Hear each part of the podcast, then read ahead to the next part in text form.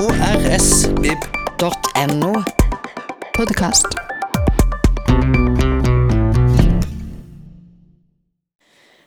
Ukens gjest på Fredagslunsj, ja, han har det vært mye bråk rundt. Eh, regelrett. Pornografiske bilder som ble beslaglagt og inn på Kemner-kontoret med de. Eh, På eh, Bragdøya så ble det utrolig bråk da Håkon Henriksen sto for i 1991 den der fantastiske utstillinga som var på Bragdøya. Mest av alt har han vært en vanvittig kreativ kraft i kunstmiljøet i Kristiansand og stått opp for rettigheter som fagforeningsmann også. Ta godt imot Håkon Henriksen.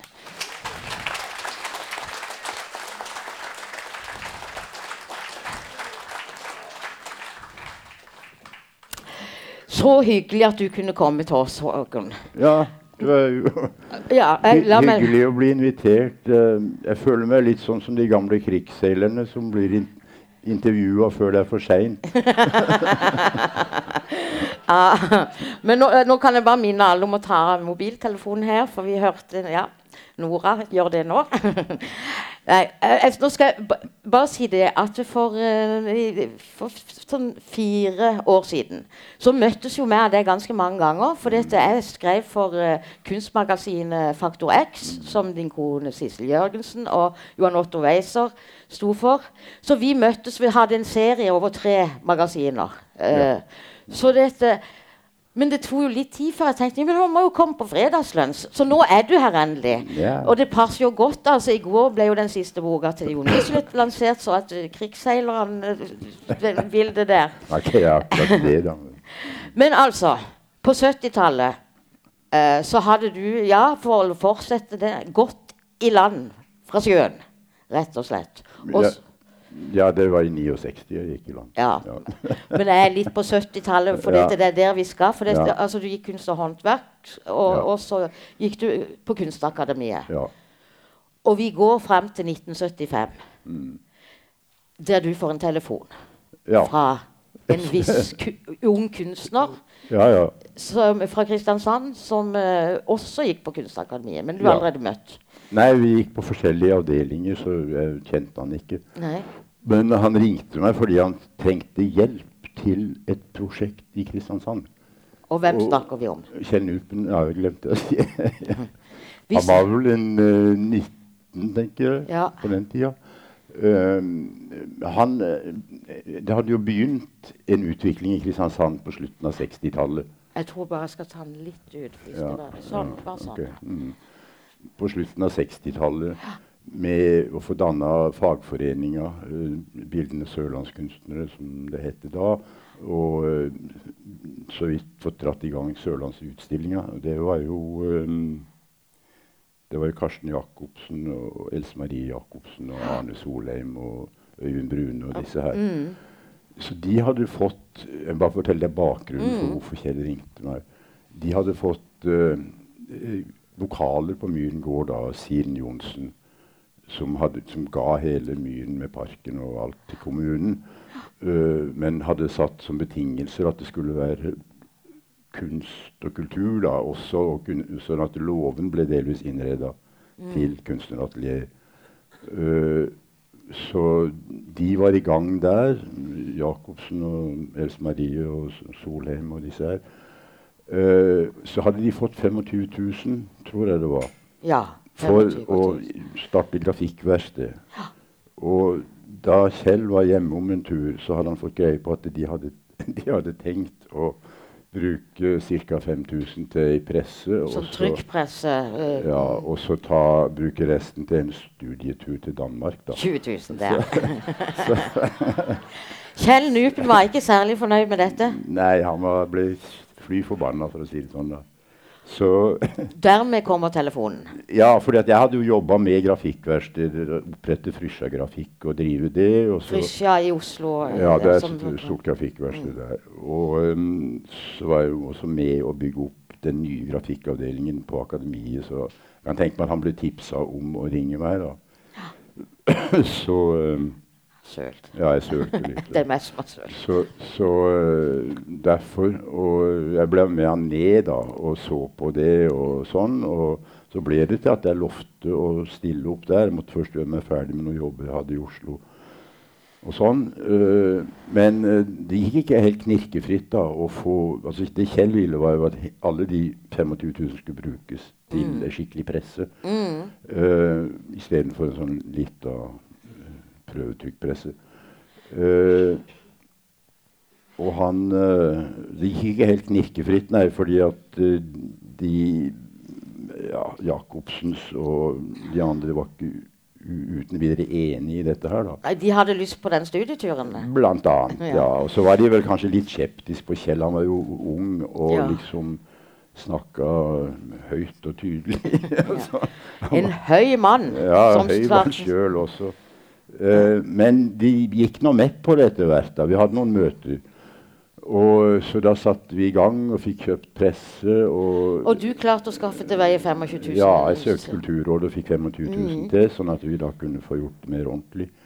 Det høres ikke mye ut, men det var, fikk mye for de pengene i den tida. Men altså, du, eh, du snakka om Frysja, altså det grafikkverkstedet. Var det ikke der du var og fikk gravd ut en eh, Jo, der var vi oppe. vi- hvordan, for vi kjøpte Nekka-presse, Ja. dyrtrykkspresse først. Men Kjell var veldig på at han ville ha litografi. Vi hadde ikke penger, det er dyrt, det, det utstyret. Men så fant vi ut at det der lå en uh, oppe på Frysja som hadde Mm. tilhørt Hans Normandal. Og uh, den var i flere biter og trengte å fikses opp. Og den lå delvis under i gjørma. Men uh, så vi fikk OK fra via en annen mann, da, må jeg si, av Hans Normandalt, at den kunne vi få Så vi henta den og fikk hjelp på Hansen Mek i, i uh, Vågsbygda. For det måtte lages noen nye deler og settes Ja. ja, så, men Så henta du vel kanskje noen litosteiner som du syns du fortjente vi fra tok med oss litt fra akademiet. Ja. Etter god innsats, liksom. ja, ja. ja.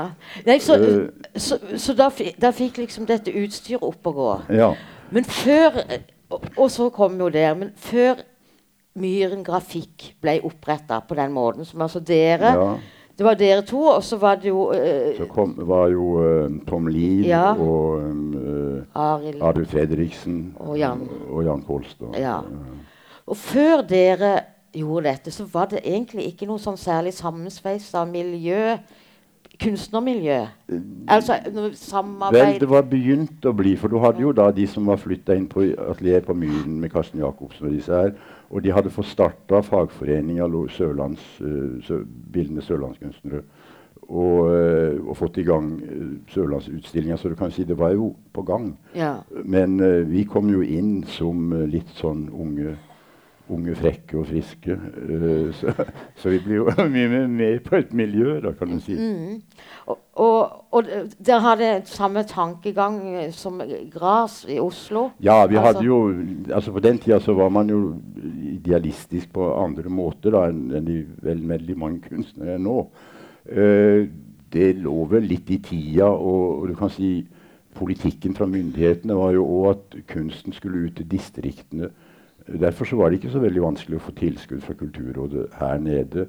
Eh, på den tida så fungerte det på en måte sånn altså Politikere bestemmer seg for hvilken retning det skal ha. og så må man formulere søknader etter det, og så får man penger. Hvis ikke, så faller det utenfor, får man ikke. Nå gjør de noe av det samme med barn og unge. da. Og øh, ja, det, er- Personlig syns jeg det er litt patetisk. da. Men, men at, at, at, at det skal være politiske kjepphester inn i det på den måten, da. Ja, ja. Uh, uten at man nødvendigvis tenker hva, hva kommer kunsten til gode på beste Ja. måte.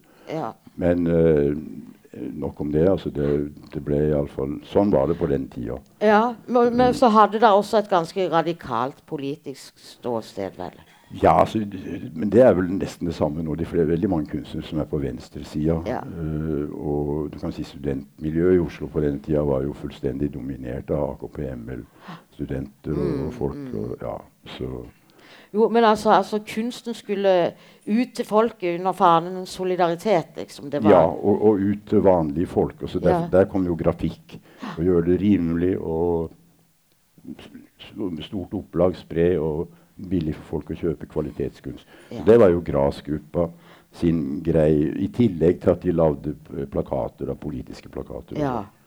ja um, og, og, og hva slags Altså, de lagde plakater, men hva slags politiske hendelser var dere engasjert i som ble førte til disse Ja, den første kom jo Kjell løpende med, for da hadde han hissa seg opp på Franco-Spania, som uh, hadde skutt Jeg husker ikke hvor mange det var, om det var tre eller flere sånne baskiske opprørere. Uh, og det, det var jo skandale sånn på verdensbasis, det der, da. Mm. Så det ville Kjell lage plakat om som måtte spres. Uh, Ja, for de, de ble henretta i Madrid, Barcelona, Burgos, disse ja, fem, ja, akkurat. Mm. i september 1975. Bare for Ja. hvis noen liksom kommer på dette. Så den, den ble jo lagd på veldig primitiv måte. Vi hadde ikke silketrykk eller noe sånt. Da, så, så vi bare mekka det til som silketrykk, kan du si. Ja. Ja. Og det, det, her kommer den der enorme dugnadsånden inn i bildet. Altså, Ja. Hvordan foregikk dette her? Nei, altså, vi hadde jo gratis lokaler og strøm og sånn, og følte at uh, da måtte vi gi noe tilbake sjøl. Ja. Men altså, Så- dette med silketrykk Dere hadde ikke eh, utstyr til det? nei, Hva, da, gjør ja, nei da? det gikk fint, for da var halve Telfors med og, Ja. og hjalp. Nei, vi, hadde, vi fikk lånt ei ramme på et uh, trykkeri, og så en rakel, sånn som du skviser malinga igjen, fargen gjennom. Og så måtte vi da ha to mann til å holde ramma, og en mann til å legge papiret, og en mann til å dra rakelen, og en mann til å ta vekk og legge vekk. Og, og henge opp på tørke. Så vi trengte jo nesten halve Telfors for å få gjort det. For, for, Men, organisert men det. eh, det ble gjort, det, og så ble det distribuert uh, landet rundt med linjegods. Også via Telfort, da. Eh, Ja, for at, da, på den tida så var jo veldig mange av de som jobba i linjegods, var jo veldig beinharde AKPM. Eller, så annet en som pleide å henge på Telford, så han fiksa det. Sånn Så han fikk distribuert disse plakatene til hele Norge rundt. Ja, for, for altså um, For det var veldig engasjert sånn i kulturliv, men på den sida så var det jo ikke Det var liksom amatørteatret og, Ja. og musikkonservatorstudenter. Ja, ja. Det var jo hovedsaken, og vi omgikkes jo møtestedet for alle disse, pluss journalister og politikere. Det var Telfors, ja. Telfors pub. Ja. Så da ble over en halvliter så to der saker med politikere nå, eller? ja, ja, hver onsdag så pleide de å dingle innom sånn Kjell Landmark og andre. Og, ja. Så da, da kunne mye avgjøres på Telfors? Yes. um, Og Gunvald Opstad hang rundt der med lange ører. ja, og han henger fremdeles rundt Ja. her. det er godt å se. ja. Eh, Kjell Nupen han jobba jo med litografi eh, og avisfoto. Mhm. Um, så man, man brukte avisfoto som man trykte? Også, eller? ja, og Det var der silketrykk også kom inn som en mellomstasjon for å Mm. få fotoet over på litosteinen. Så det er det praktisk. da. Og han altså ble eh, jo ganske politisk engasjert, for han var også utvekslingsstudent. Ja, han dro jo, begynte jo i 75, så dro han allerede da til Düsseldorf. Som, så han hadde fått et stipend for å Ja. studere der. Og der var det jo veldig radialt på den tida. Beste Baader-Meinhof-perioden og sånn. Ja. Så, så Kjell var veldig sånn, oppglødd av det. Og uh, hadde med seg kamerater derfra opp til oss og sånn, som uh, var veldig gøy. Og, Mm. Og, og sjøl så jobba du med d- dyptrykk og Ja, og etter hvert silketrykk for det meste. Mm. eh. Eh, og så Det var en altså Bravo-utblåsninger på Ekofiskfeltet i Nordsjøen i 1977. Husker Ja, du det? ja, Da, ja, ja. jo, da hadde vi Tom Lead på banen, vel? Ja, Som han var en del av den der. der. Han jo, altså, jeg vet ikke om noen husker den plakaten. Det var jo en sånn en, uh, boreplattform også med en sånn dritbrun utsprøytning oppi i lufta. da. Og den er da signert Tom Lee, den Mm. utsprøytningen. Han fikk tak i sånne eh, veterinærklyster, og så skvisa Ja. Og, og, og du lagde sjøl til Alta-aksjonen der. Ja, Jeg så la vi plakat for den, ja. Men det, på det tidspunktet så hadde det kommet altså tidligere eier av Myren gård, Mm. Siri Johnsen, for å høre at her var det kommunister som holdt på på Myren Ja, gård, nærmest. hun hadde fått høre fra en uh, sentral kilde i kommunen, jeg skal ikke nevne navn, men uh, at uh, vi var en gjeng med kommunister. Så hun kom innom Hun var jo ofte, hun bodde jo rett ved siden av, så hun var jo ofte innom Myren sånn, og så at alt var i orden. og sånn. Eh, så hun kom innom der jeg sto og trykka den Alta-plakaten. og, og sa, hun, var, hun var jo veldig sånn rett fram-menneske, så hun bare gikk rett på og spurte er det sånn at du er kommunist. Uh, jeg sa nei, det er ikke jeg er muligens anarkist, men jeg er ikke kommunist. Nei vel. Og hva jeg holdt på med, da, så forklarte jeg om hele problematikken der. Og da hun gikk, da, så var det nærmest knyttneven i været. Yeah! Alta! Alta, ja. Og. vi må ta vare på naturen. Ja visst, ja visst. ja, um, eh, og da hadde jeg altså, for Vi var litt med hvordan altså, For det, var jo mye der ute. Det var liksom en, Det var livet, det. Og, og, Det var jo det. altså. Ja. Ja, det ble jo veldig altoppslukende. Og- sånn sett. Ja, og så ja, og- på sommeren, iallfall en sommer, så hadde jeg jo en god venn. Altså eh, eh, Og ehm, skuespilleren Vår gode venn, da så helt stille. Ole Geir Feste. Ja, Ole Geir, ja. ja, ja Han hadde ja. fått seg jobb i billettluka på Color Line. Ja, det var noe vi benytta oss av. For at vi jobba litt rare Vi jobba litt rare tider på døgnet, sånn at uh, Kom på ettermiddagen på Myren. Ja, vi kom gjerne etter tolv på Myren, og så holdt vi på. Men da var det om å gjøre. Vi måtte jo innom Telfors. Så da pleide vi å ringe ned og be de sette en halvliter under disken hvis Ja. vi var seint ute. Ja, for sånn. de stengte jo allerede 11 den gangen. Ja, de stengte kranene 11. Ja. Men så var det sånn at på danskebåten så åpna de kranene før 12. så, og eh, Ole Geir hadde alltid en haug med billetter liggende for sånne grupper og greier som ble avbestillinger og ikke kom. Ja. Så det var bare å gå ned til Ole Geir, fikk billetter og gå om bord. så var det fortsette i baren på ferja, og så hadde vi jo selvfølgelig lugar med da, så vi fikk oss en på øret, og så rakk vi vel så vidt å komme oss på land igjen klokka tolv.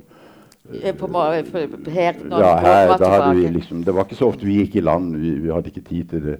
Nei, det, Eh, var men men eh, Nei, også da var det jo ut på Myren og jobbe, da, Ja. klokka over tolv. det, det var, sånn, sånn gikk Så nå det da. var, ja, det var hektiske tider. Men det var jo også sånn Det var så varmt og ikke gå i land. Men en gang så skulle Tom Lid ned på et møte Ja, det var jo forferdelig. da. Han, måtte, han tror han måtte prøve tre ganger før han, før han, Han kom seg i land i Danmark. Men han glemte det, eller han ble litt for uh, happy få det med seg. Ja. Uh, men for, hva betydde opprettelsen av Myhren Grafikk for, for kunstnermiljøet i byen? Det betydde vel en del sånn altså Jo, vi eh, fikk jo tilbake Eller sørga for at det ble litt mer interessant for andre kunstnere og, som var nyutdanna, f.eks. å komme ned og jobbe her. Og vi som sagt var jo med- Alle oss jobba jo inn i fagforeninga og var med og eh, brukte den for å legge press på å forbedre forholdene, sånn som f.eks. jobbe for å få vederlag. Ja, Forklar for litt hva vederlag er. Vederlag, er altså at kunstneren får noe betalt for å stille ut bildene sine, selv om de ikke selger. Altså, Man skal jo at lave bilder, skal rammes inn, og det skal transporteres og henges osv. Uh, uh, enda er jo det bare sånn litt en enda er jo det nokså normalt at uh, den, når man ser en utstilling, så uh, er det jo mange som har jobba der, fra rammemaker til gallerist og alle. Alle de får betalt. Det er ingen som spør om det. Den eneste som ikke får betalt, er kunstneren som stiller ut. Og sånn er det mange steder enda, og det syns jo vi ikke var så greit. Eh, men ok, sånn bedre tilrettelegging, så vi fikk en ganske grei avtale. Begynte med fylket. Uh, fikk på en viss prosentsats. Uh, og det ble også eh, vedtatt at man skulle avsette en viss sum eh, fra, til bygging av offentlige bygg. Eh, skulle man avsette en viss sum til utsmykking og sånn. Og vi hadde et ganske godt verksted. Så da kom f.eks. Uh, Kjell Maron Gunvaldsen tilbake fra Bergen. Og han ble med. Ja da. Ja, han var med veldig mye. Og Tormod Ropstad, uh, kom tilbake. Han tror jeg hadde vært i Bergen, Bergen, og studert. ja.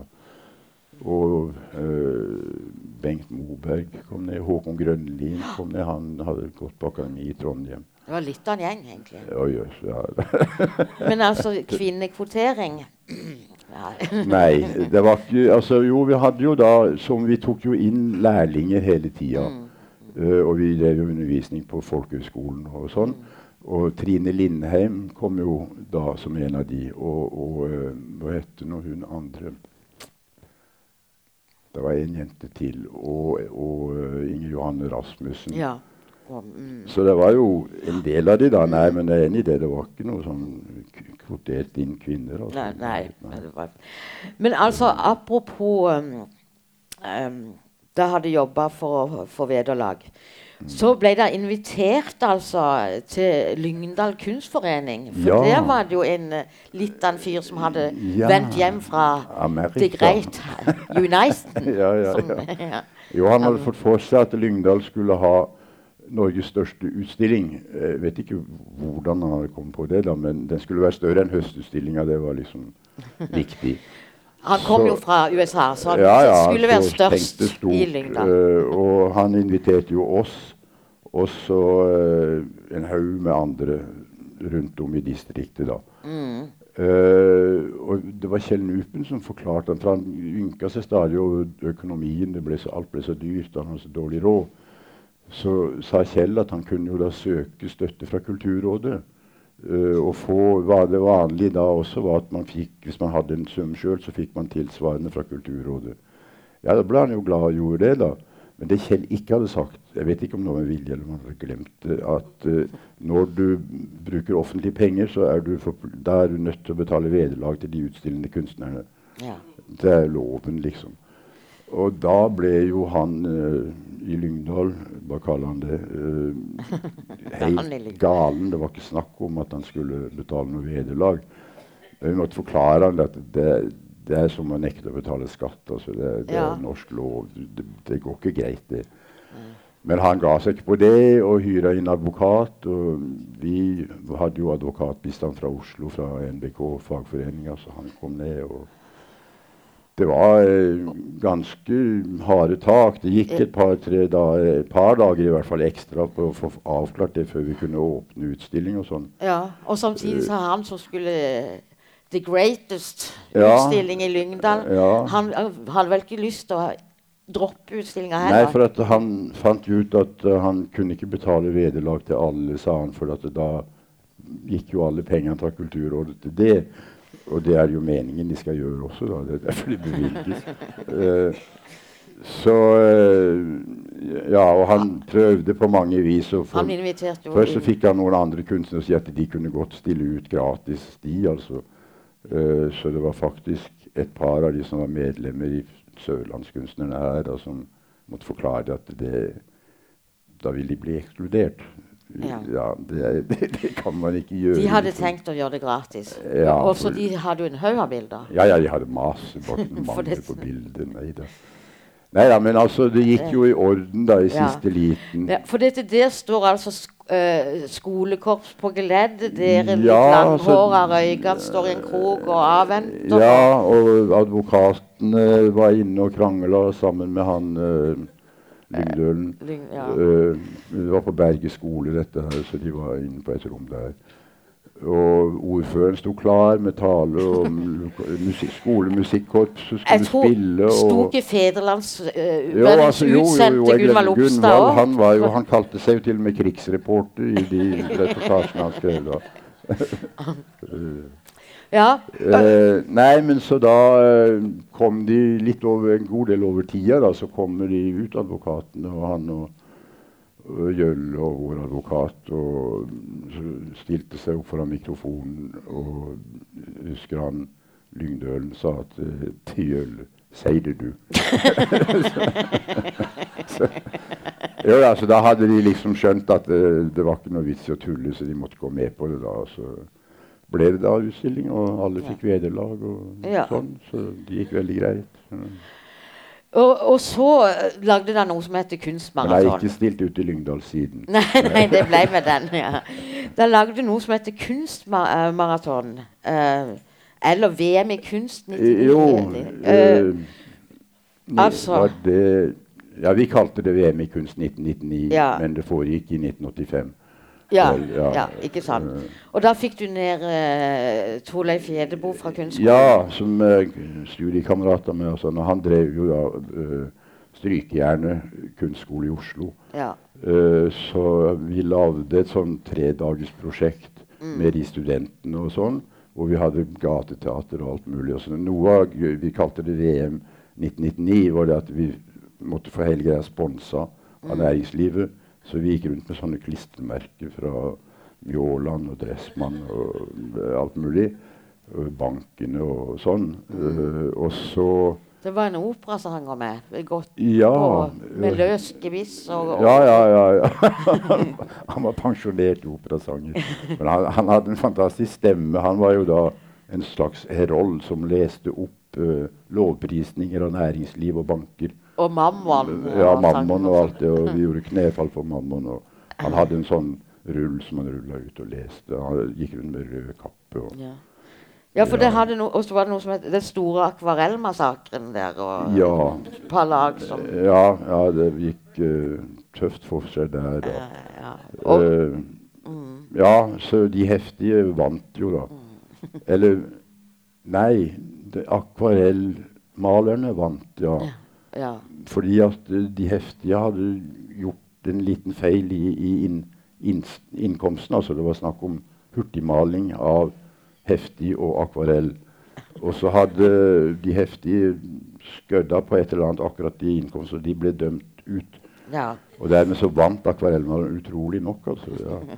Og de ble henta i uh, en sånn utleie Cadillac, hvit, åpen, og hadde en sjekk, sånn pappsjekk som var så stor, med premien på. Flere millioner. Ja, jeg, jeg husker ikke, det var oppi milliarder. Det var veldig mye. Ja. Og, og under disse Det var en sånn tredagersløp, så, så var Ja. jo altså Hadde da fått politimester Rynning Tønnesen til å komme? Ja, for uh, Torleif hadde vært og snakka med han da. Torleif er flink til å overtale folk. Han Torleif Gjedebo, da. Uh, Gjedbo, ja. Uh, og Rynning Tønnesen er jo sånn som er, med på mye. Han Ja. det er gøy. Så det gikk på at han da kunne bli portrettert med det som skulle godkjennes som verdens største portrett, og Mm. komme i Guinness Book of Records og sånn.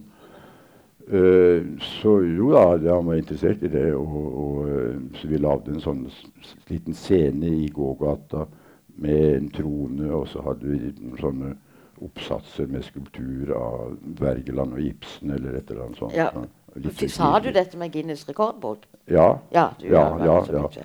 Og uh, Torleif malte da, uh, utkledd som en slags kråke i ja, flosshatt og snippkjole og lange underbukser og klatra. Men eh, det ble, altså, Ring Tønnesen ble også veldig fornøyd, og han ble jo da servert eh, kaffe og kaker og greier mens han satt modell. da. Han måtte Ja. sitte modell, ikke sant? Ah, unge Ja, ja, en vakker kunst- ung dame utkledd i litt sånn Playboy-kostyme. Altså eh, Du og den godeste Torleif Gjedebo eh, altså skulle også lage på, i, med lak, i Laksevika. Ja.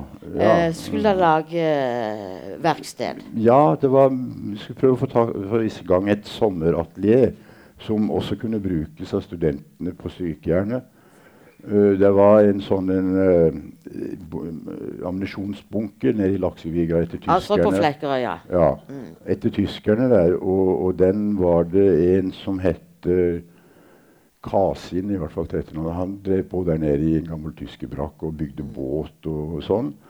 Og han jobba delvis i Nordsjøen og delvis der, da. Så han, vi fikk lov å låne den eh, bunkeren og brakka om sommeren ikke han var der.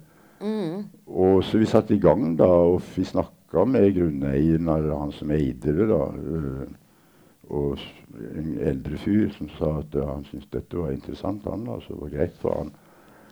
Uh, og ja, så de kom jo ned en 10-15 øh, ungdommer, da. Og vi jobba nå på et prosjekt med utstilling i Kunstforeninga og sånn. Uh, og vi, Torleif videofilma det samtidig. Da, så vi, vi hadde, viste jo det prosjektet i Kunstforeninga og med videoen gående og sånn. Så dette gikk jo ordentlig for seg. Ja, ja, ja. ja, Ja. det var seriøst fra vår Ja. side, da. Men, altså, lokalbefolkninga, da? Ja, problemet ble det at det var veldig varmt. Det var ikke fullt så knall som i sommer, men det var ikke langt unna. Og disse unge studentene fra Oslo de var ikke så nøye med påkledninga. Pluss at eh, de hadde da også fått låne, for de lagde kunst på klær. Øh, malte på T-skjorter og greier, så de hadde behov for modellen som skulle, skulle filmes. Og noen av ungdommene på Flekkerøya ble med og stilt som modell. Eh, så det var en del ting som vi ikke var klar over. da. Vi burde jo kanskje tenkt oss det, men Men altså, eh, før dere kom, så var det jo sånn at eh, det var to leirer. Det var de lokalbefolkningen, og så var det de, de som hadde de ferie. sommerturistene. De som, Ja. ja. For det var jo tre-fire hytter i hvert fall like bortafor i Laksevik. Ja. Det var mye, var mye bergensere som Ja. leide, hadde de da. Og det var jo en som anmeldte. Ja, altså fordi at de hadde da sett eh, De hadde lagt en plan. Fordi at eh, de skjønte jo at eh, lokalbefolkningen ikke var særlig begeistra for disse kunstnerne. Så hvis på den måten fant hun at de kunne alliere seg med lokalbefolkningen, for nå var det plutselig noe som var verre enn vanlige sommergjester fra Bergen. ikke sant? Så den ene av de hadde da ligget på Jeg fikk lese dette brevet seinere fordi det var et offentlig dokument. og Altså denne anmeldelsen. ja, eller klagen. klagene, da. Han hadde sendt til jeg tror var Parkvesenet. Eh, med hva da, telt, pupper, liksom. Og ført dagbok. Og den dagen var det så og så mange nakne bryst og sånn. Og ellers var det et langt brev med masse klager og sånn, da. Men eh, det ble jo ikke reagert noe særlig på fra kommunens de da. Så De små fniste litt der nærmest. Mhm. Ja, de små fniste nærmest De litt. flyter litt, ja. ja på, jeg var oppe på teknisk når jeg fikk sett det. Det var litt kuriøst. Men uh, derfor, så, du, hvis du er det du vil fram til, da, at uh, lokalbefolkningen ellers på Flekkerøy de fant ut at nå, dette går ikke lenger, nå må Nei. vi ta affære. Ja. Så de stilte opp iallfall over 50 mann. eh, ja, menn, kvinner, barn. Og med til dels med slagvåpen og iallfall én sinna schæferhund. Og sa nå, må, nå fikk vi en time eller noe maks på å forsvinne. Hvis ikke så kom de til å sørge for at vi forsvant. Og så satte de i gang, og vi måtte jo bare Det var, de var ganske truende. da, altså, Torleif hadde jo med seg småbarn, og det ene med det andre. De begynte å grine vet du, og greier. Uh, så vi måtte jo bare skygge banen, da. Og da tømte de alt inventar i den brakka til Kasin. Møbler og alt, og stabla det på brygga i et sånn sankthansbål og satte fyr på Uh, Alt deres. Da fikk ikke med. Da måtte jo bare løpe. ja, ja, vi fikk med, nei, ja, vi fikk ikke med oss noe særlig i det Nei. hele tatt. Øh, men øh, jeg, jeg anmeldte jo dette her. Fordi Ja. at de sto jo fram i avisa og skrøt av hva de hadde gjort. Nå hadde de liksom rydda øya for Det er som å høre Trump skal 'drain the swamp'. Ja, hadde de rydda øya for grop, gropen, grums og grapse. Så det var de stolt av. Uh, men uh, ja, merkelig nok så kom jeg ikke noe med i media. Jeg prøvde å gå til politiet og si at uh, fordi saken ble henlagt pga. bevisets stilling, sa de først. Ja. Så tok jeg jo med meg avisa og gikk til politiet og sa de, de sier jo sjøl at de har gjort det her. Mm. Ja, så, ja, da skulle jeg få nytt brev, og da var det henlagt pga. Uh, ik- manglende kapasitet. Uh, og jeg hadde rett og slett ikke råd til å begynne å anke dette her i retten, altså, for det, det, koster penger. For dette var jo vel dokumentert i Fevennen, og VG Ja, ja, skrev jo om det også. VG var også på banen. Og til og med de skrøt jo litt av disse her fra Fløkkerøya i, i avisa. I Sånn at de hadde jo nær tilstått. Ja, altså. de, hadde, de var jo stolte av hva de hadde gjort. Eh, men, men du så jo også i ettertid at det hadde vært litt av hvert. Altså at de var ute og spionerte på der. For, det, for eksempel ja, ja, ja de, de, de, noen av disse folka har livlig fantasi. Rene kunstnerne, egentlig. Eh, de hadde fått for seg at vi hadde noe gående med narkotika med danskebåten. Og uh, som ble, ting som ble droppa derfra, som vi henta og sånn. Var jo helt uh, ren fantasi. da. Men eh, de, de mente de hadde bevis for det, da. Og eh, det skjedde jo aldri noe, men, men det som skjedde en gang, var da at uh, bikkja til Torleif, gamle Erlandsen, eh, ble påkjørt på Flekkerøya. Det- Den var vokst opp på Majorstua. så- Åtte år ja, uten har den klart seg i trafikken. Ja, men eh, ikke på Flekkerøya. Nei, altså det var jo, som sagt, Torleif hadde jo med seg et par småbarn, og sånn, så de ble jo veldig opprørt over det. da, så Vi måtte lage en begravelse og begrave dyret med ordentlig seremoni. og sånn. Så planta vi en liten rosebusk der. Og en dag vi kom, da var den gravd opp. eh, Bare et svært høl der. Og så så ikke noe til bikkjeliket heller. Det fikk jeg høre gjennom andre. At da hadde noen sett at vi holdt på med den gravinga, og hadde liksom da Aha, nå graver de ned narkotikaen. Bevis. Ja. Ja. Så Ja, ja. Det er sånn små Eh, nå må jeg bare si, for altså, som dere hører, så har jo da eh, Håkon eh, mye på hjertet. Og i, Ja, når nærmest spør- i når du spør, så ja, ja, svarer ja, ja, ja. Men han, han har et innholdsrikt liv, da, for å si det på den måten. Når jeg, jeg tenkte på det i går, og så måtte jeg nevne for deg, da, for jeg har jo annonsert med Bragdøy og alt mulig. Så, ja. men, men når jeg satt og skulle se på alt dette, så tenkte jeg Bragdøya er så interessant. Vi kan ikke ha fem minutter om Bragdøya. Det går ikke. Nei, For det det, det er noe med hvordan det ble opp av kunstverk Vi må inn på så, Og nå ser jeg på klokka at ja, det ville blitt eh, Og jeg, jeg begynte å se det for en stund siden. Vi må invitere Håkon tilbake i januar. Og så tar Der, er- der, der syns jeg eh, Det må bli del to, rett og slett. For dette, det, er, det, det, er, det er jo mer her vi må prate om. Um, um, og, så, og, og det er rett og slett uh, at du uh, var Altså, det vi ikke har sagt altså Du har jo leda det ene og det andre. Ja, altså jeg har jo vært eh, formann i fagforeninga og i Sørlandsutstillinga. Ja. Og vært i styret i Kunstforeninga. Kunstfore ja, sånn, ikke ja. sant. Og Kunstforeninga hadde altså noe som heter Hjørnegalleriet. Ja, det var liksom til disposisjon for bildende sørlandskunstnere. Ja.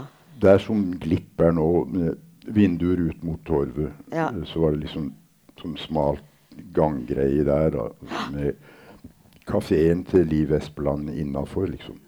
Eller nei, det var en liten fle, sånn flerbrukssal innafor der som Ja. kunne leies. Ja. Altså, det, ja, glitt, Og der er. eh, stilt, kunne, stilte medlemmer av bildende sørlandskunstnere Mm. ut. Liksom betingelsen fra Kunstforeninga var stort sett at det måtte alltid henge noe der. Så det, Ja. ja. Da hadde jo performance også. Ja da, ja, ja. ja jeg hyrte jo inn han uh, Kurt uh, Ja. Johannessen. Ja. ja. Mm. Ja, det var mye gøy. Han var var mye sprell, det. Og ikke minst, altså, så hadde jo du, skulle du sjøl stille ut, altså. Ja, jeg var booka inn eh, et års tid i forveien på Ja, det var jo venteliste på å få Ja. plass. Ja. Ja. Og, Og da hadde du For det hadde visst vært en sånn undersøkelse at det, det, det var på Sørlandet og Vestlandet. ja, eh, under bordet. ja, pornografi og sånn var Ja. mest Mest solgt. best marked for det. ja. Jeg skjønner, jeg ble kjent med en fyr som drev med litt sånn butikk i Oslo. Det var han som fortalte meg det at det beste Han drev og sendte på postordre og sånn. og Det var Sørlandet, Vestlandet, Stavanger og bortover der.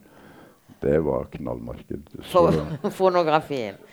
så jeg tenkte da at jeg kunne prøve å pirke litt i, i disse greiene. Moralen, eller dobbelt, trippelmoralen og alt det der.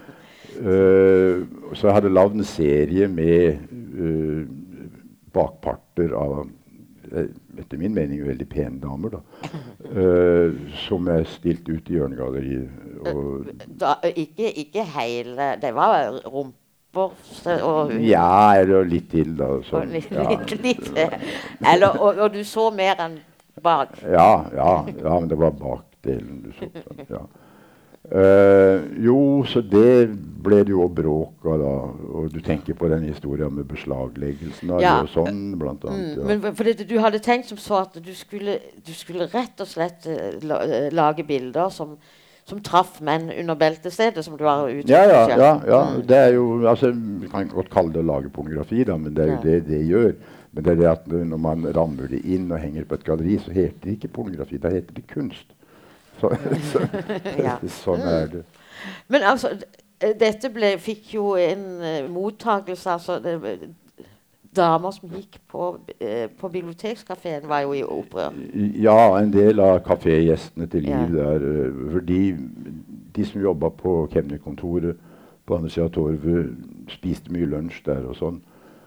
Og de hadde klaga på dette, og det var en av altså Bjørgum sjøl, som var kemner da han var bortreist. Og Ja. så var det en av de uh, som gikk sånne innkrevere, da, som går rundt og, og eh, pantsetter ting hos folk og greier, som hadde funnet ut at jeg skyldte skattepenger og bidragspenger. Uh, så da hadde han mente han hadde rett til å beslaglegge bildene til inntekt for skatteetaten. da. Og var en, han, han var, husker han var nordlending, veldig handlekraftig fyr. Så han spurte ikke noen, han bare gikk bort og så begynte å skru ned bildene og frakte de bort. Uh, så jeg fikk jo snakka med han da, men det var, han var ikke medgjørlig i det hele tatt. Så. Så det jeg gjorde da, var Jeg hadde jo det som, Dette var airbrush-arbeider, så jeg hadde jo sjablongene til de. Uh, så jeg lagde nye eh, bilder, da. eh, og så underrettet jeg pressen på at eh, For det, det var- ble jo en del avisskriving rundt dette og sånn. Så, så jeg sa at uh, hver, dag, nå, hver dag så kommer det et nytt bilde opp. Så da sto de der og fotograferte og sånn. Så jeg fikk jo veldig klar. god eksponering for det, da. Og så kom Bjørgum hjem fra Kemneren, ja. Og så da ble jeg, fikk jeg prate med han. da. Jeg husker ikke om han innkalte meg, eller noe mest som gikk hen til han. For han eh, hadde kommet tilbake og, på kontoret sitt, og der sto hele sofaen full av damerumper. Altså, så han, Litt, litt sjokkert, da. ja, han var ikke helt med på det, da. Og, nei, men jeg sa du, du må jo bare beholde bildene. Eller du, må, du kan jo selge de. Det er det som er formålet. Du la inn penger, så du må selge bildene. Så du må jo åpne et slags lite galleri eller noe sånt. Uh, men uh, det var ikke noe lysten på. da, så det var bedre at jeg tok bildene tilbake. Ja, men altså, du har eh, fortalt han jo også at du, altså, du fremla Nasjonale galleriets kriterier Ja, ja, selvfølgelig. Altså, hvis han skulle ha det, så må han jo oppbevare i betryggende forhold. ikke sant? Ja. Og det hadde ikke kemnerkontoret akkurat da, men måtte eventuelt ha bygd seg noe sånn. Altså, uh, ja. Så var det jo sånn at allerede da så, altså Det ble mye medieoppmerksomhet. Mm. Og eh, sjefsredaktør Egil Remi Jensen han forlangte på lederplass da At det skulle anmeldes, ja. at bildene burde fjernes etter renholdsparagrafen. Ja, og at jeg burde anmeldes. Ja. Eller han oppfordra noen til å anmelde meg. Ja. Det var derfor jeg eh, skrev og svarte han hvorfor kunne han ikke anmelde meg sjøl. hvis han Ja. mente det jeg fikk aldri noe svar på det. Nei, for, men for Eh. forsøpling av byrommet kalte han det også. Det var vel noe sånt, ja. Ja. Mhm.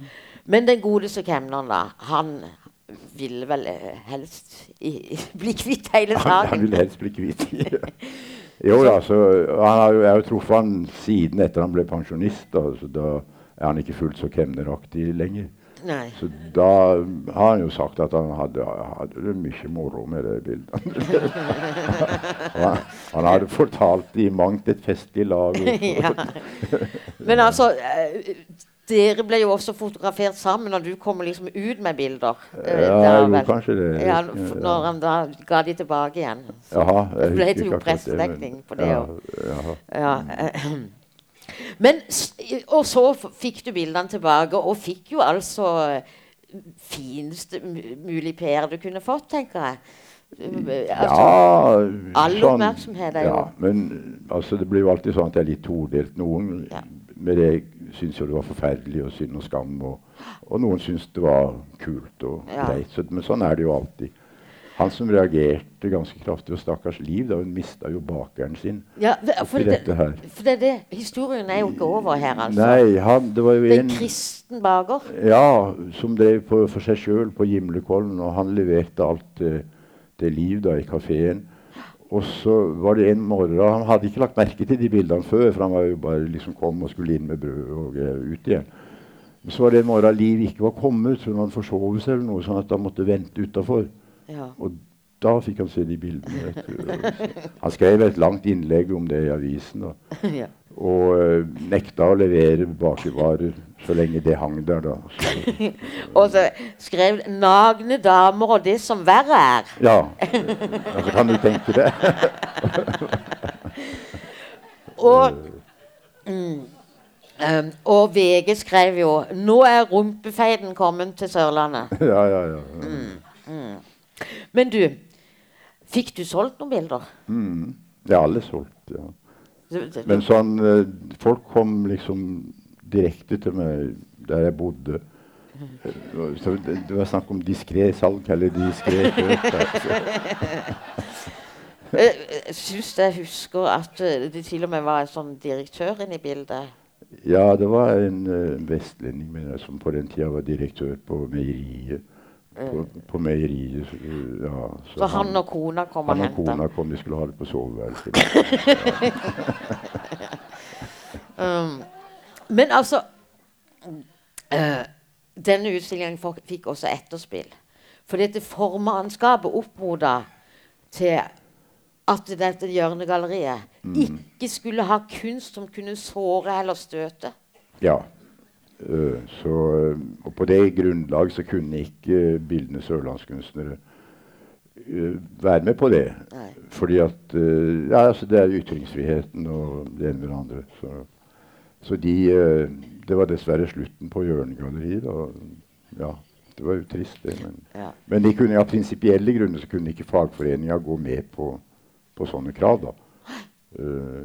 Det sier seg jo sjøl. I januar så, altså Det fins mange gode historier fra Bragdøya òg. Men i tillegg så skal vi gå i, i dybden på de enkelte kunstverkene. Det, øh, du har noen veldig fine analyser på det også, så nå gleder vi til, øh, oss til å se deg Ja, igjen. de fra Bragdøya, ja. Ja, fra ja, ja, Bragdøya. ja, ja. Da vi, vi skal gå kunstnerisk til verks òg, Ja, men også ja, fra en mengde nye gode historier. Dere. Så kom igjen, og tusen takk for at du kom. Ja, og veldig riktig god hyggelig å helg. være her. Ja, Takk, takk. Ja.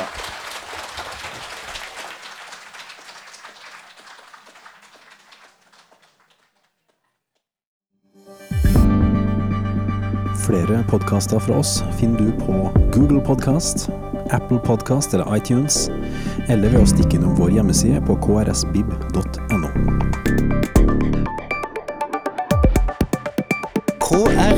krsbib.no. Podkast.